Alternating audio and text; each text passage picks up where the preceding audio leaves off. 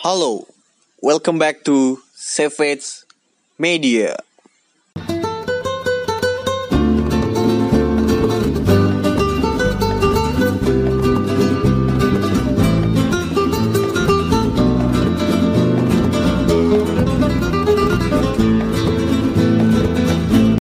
Ya, balik lagi sama gue Fikri di Savage Football Podcast. Pada kesempatan kali ini, gua dan Raditya Gian Algifari iya, eh, kita akan jawab pertanyaan kalian di kolom postingan yang ada pada Instagram dan Twitter. Oke. ada cepet aja dah ngantuk gue Iya.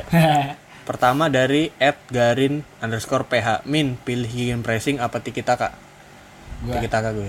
berarti kita kak karena gue lebih suka sepak bola yang possession gue juga bakal jawab tiki taka tapi Iya. bukan berarti gue ngikutin lo juga ya kenapa gue jawab tiki taka oke pertama mungkin gue emang fans Chelsea tapi secara permainan contohnya kayak dari Barcelona atau timnas Spanyol tiki taka tuh ibaratnya udah merevolusi beberapa fans sepak bola benar gak sih Iya. Nah, dan gue juga nggak munafik bahwa Tiki Taka itu juga merevolusi diri gue untuk menonton pertandingan sepak bola. Apalagi pas nonton generasi masa mereka teh, maksudnya pas Spanyol Barcelona ya, Iya. itu udah benar-benar bikin gue suka banget sama sepak bola possession, khususnya Tiki Taka. Iya. Lalu lanjut dari at Efraim 1501. Kira-kira Juventus butuh pemain seperti apa untuk menjuari Liga Champions? Eh, menurut gue pribadi, Juventus jelas butuh pemain lini tengah yang bisa mensupport Pjanic. Kedira sudah tua Iya. dan pemain-pemain kayak eh, Matuidi itu, itu pemain- itu itu itu bukan kelas top kelas lah. Ya pemain-pemain kerupuk lah ya pokoknya. Iya pemain-pemain kerupuk itu udah udah harus menyingkir lah. Ya mereka bisa lah main di liga tapi buat kalau target lu Champions League nggak bisa lu cuma segitunya doang. Benar karena kalau Liga, bisa. Liga Champions itu tuh ya kita tahu lah kompetisi antar klub Eropa di mana satu opsi aja tuh nggak cukup. Hmm. butuh sebuah klub itu tuh butuh banyak opsi untuk melawan klub-klub di Eropa. Karena kan kita tahu kalau kita udah main di Champions League atau Europa League kita bakal ngadapin klub yang dengan berbeda negara dan gaya mainnya juga pasti akan beda. Hmm. ya kan? Maka dari itu yang paling krusial khususnya tadi di lini tengah Juventus oke udah udah ada Pjanic yang bisa dibilang mungkin eh, dia dibilang regista juga bisa nggak sih? Mm-mm. kalau di Juventus oke ada Pjanic. Tapi Pjanic ini nih kayak ibaratnya kayak nggak punya partner yang bisa mengcover dia juga. Karena rata-rata nih kalau kita lihat distribusi bola Juventus itu berawal dari Pjanic siapa lagi yang bisa mendistribusikan bola lagi selain dia kan? Iya. mungkin ada baiknya kalau kayak rekrut pemain kayak Ruben Neves Hmm. di mana dia bisa berperan sebagai stopper punya kemampuan defensif yang bagus dan di samping itu dia punya apa ya punya distribusi distribusi bola yang baik dan punya shooting jarak jauh yang ya yang cukup baik lah bisa dibilang juga. Iya. Dan eh, menurut gua selain rekrut kayak Ruben Neves gitu, Juventus harus bener-bener mastiin sih dia tuh maunya mainin Pjanic jadi apa gitu. ah iya benar Iya kalau kalau kalau apa namanya Pjanic itu di- disuruh dia harus nge-cover semua di tengah menurut gue nggak bisa sih. Hmm, benar menurut gue nggak bisa. Nggak ada juga pemain yang bisa mengcover semuanya kalau misalnya udah ngerekrut satu pemain yang tipenya jadi stopper dan lain-lain ya harus rekrut juga satu pemain yang punya sedikit kreativitas sih. Iya. Butuh banget menurut gue. Ya tapi nggak Luka Modric juga yang sekarang iya gitu. itu mah udah berumur ya juga entahlah pasti. siapa gue yakin apa namanya eh, scouting dari Juventus lebih pintar dari kita dalam menentukan pemain. Iya itu biarkan mereka bekerja aja Iya, lah oke. senyap senyap Lanjut dari Ed Takial Muhdor. Kenapa Pereira masih hidup di MU? Maksudnya maksudnya hidup tuh apa? maksudnya kenapa dia oh Taki Amudo teman gue ya Hmm.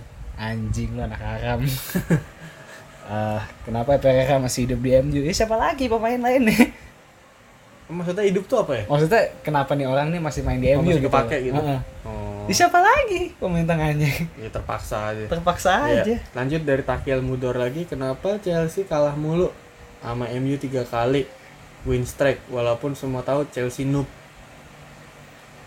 Ah lu mah niatnya ngeledekin gue doang Oh. anjing gitu bangsat lu tak emang Iya. kenapa Chelsea kenapa Chelsea kalah mulu sama MU tiga kali ya karena tim-tim kayak MU khususnya MU musim ini ini sistemnya itu paling cocok kalau lawan tim-tim besar yang bermain terbuka Enggak sih menurut gue. kalau menurut gua itu ya. Karena menurut gue kenapa alasannya Chelsea gini, kalau di pertarung di pertandingan pertama gue setuju kalahnya itu ya gara-gara memang eh MU memainkan sepak bola yang melawan sepak bola Chelsea. Itu gue setuju. Hmm. Pertandingan pertama. Tapi menurut gue pertandingan kedua dan ketiga itu harus jadi pelajaran buat Lampard. ah itu dia Nah, gue tuh sampai sekarang belum melihat bahwa Lampard itu apa namanya dia tuh nggak fleksibel gitu loh. Hmm. Tapi idealismenya pun menurut gue idealisme yang egois. Tapi dia bisa dia ingin mempertahankan. Hmm. Tapi ketika dia mempertahankan pun hasilnya tidak ada. tidak ada benar Oh, ya paling buktinya contoh paling buktinya tadi ya Chelsea lawan MU iya, kan Iya iya iya. dua pertandingan awal dua kali kalah yang satu kali main di Premier League satu lagi main di Carabao Cup Mm. ada kesempatan untuk harusnya Lapak bisa belajar untuk pertandingan yang di Premier League yang kemarin barusan kalah juga 2-0 harusnya emang Lampard sedikit menurunkan egonya dan sedikit juga merubah apa ya mungkin berubah pendekatan melawan tim-tim kayak MU atau yang low block low block gitu kali Iya ya iya iya. Heeh. padahal sebenarnya kalau gue lihat-lihat nih oleh itu miskin taktik sih Iya, iya, itu kita udah sering banget bilang itu jadi kalian coba denger aja di episode-episode yang lain ya. Ah, nah dan oleh itu yang pernah lo bilang bagus di reaction football Hmm. dan oleh itu menerapkan itu oleh it- maksud gue sorry oleh menerapkan itu dengan melawan Lampard Hmm. Tapi Lampard itu Tidak punya- menerapkan hal itu. iya karena oke kita bisa bilang pengalaman mungkin lah. Kita tahu Lampard baru mungkin baru dua musim kali ngelatih ya. Jadi Hmm. untuk Masih egonya masih tinggi lah. iya egonya masih tinggi Oh. sebagai pelatih. Menarik bahas soal ego. Jadi oh gue gue lupa. Gue gue nggak nge-retweet soalnya. Jadi gue baca kenapa Safi nggak mau jadi pelatih Barcelona? Karena dia belum tahu kalau dia tuh belum ready. Bukan Bukan bukan, ya? karena egonya tinggi banget menurut gue jadi Oh, iya gue yakin di manajemen ini dia nggak bisa mendapatkan itu. Jadi dia tuh ingin kontrol kontrol penuh atas transfer. Terus dia ingin orang-orang terdekat dia kayak Puyol terus Jordi Cruyff itu gabung ke ke skemanya dia. Jadi ibarat kata tuh dia udah kayak semi board gitu loh. Tapi, sorry kalau gue motong ya. Tapi menurut gue awalnya mungkin gue kayak kaget. Tapi kalau gue dengar dengar tadi dia mau apa kontrol penuh atas transfer dan sebagainya lainnya itu wajar karena dia kan manajer. Dia kan Nah. bukan head coach doang kan? Betul.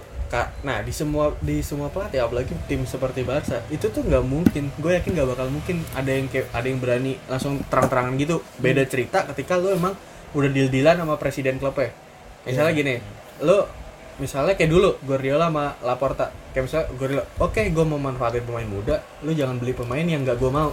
Hmm. Gitu kalau kalau sekarang mana bisa Da- contohnya datangin siapa striker Bright White nggak bakal mau Safi Iya. Oke. Hmm. Lanjut di apa namanya? Pertanyaan terakhir. Dari Ed kan gue bilang, kenapa gaya bermain cepat seperti di Liga Inggris susah diterapkan di pemain Indonesia? menurut menurut gue gini ya, Indonesia tuh dari dulu nggak pernah tahu dia mau mau mainnya ngapain gitu. Dia mau mainnya ngapain gitu iya Indonesia kayak maksud gue kayak iya Indonesia emang dari mungkin zaman 90-an lah kita hitung lah. Maksud gue filosofinya tuh kayak gimana? Mm, nggak jelas. Ya, mau ngikutin mantan penjajahnya atau, Atau mau gimana? ngikutin apa revolusi dari Spanyol atau yang terbaru juga mungkin Jerman lah atau apalah segala macem. Mau ngikutin yang mana kayaknya? Iya enggak Mm. Kalau mau main cepat sebenarnya Indonesia bisa banget main cepat. Karena kenapa? Pemain Indonesia tuh terkenal punya kecepatan. Cuma ya pemain-pemain kita sendiri nggak tahu potensi nggak tahu untuk memanfaatkan potensi itu. Itu aja sih. Hmm. Ya. Lanjut ke Twitter. ya Twitter. Gue yang baca ya itu ya. Hmm.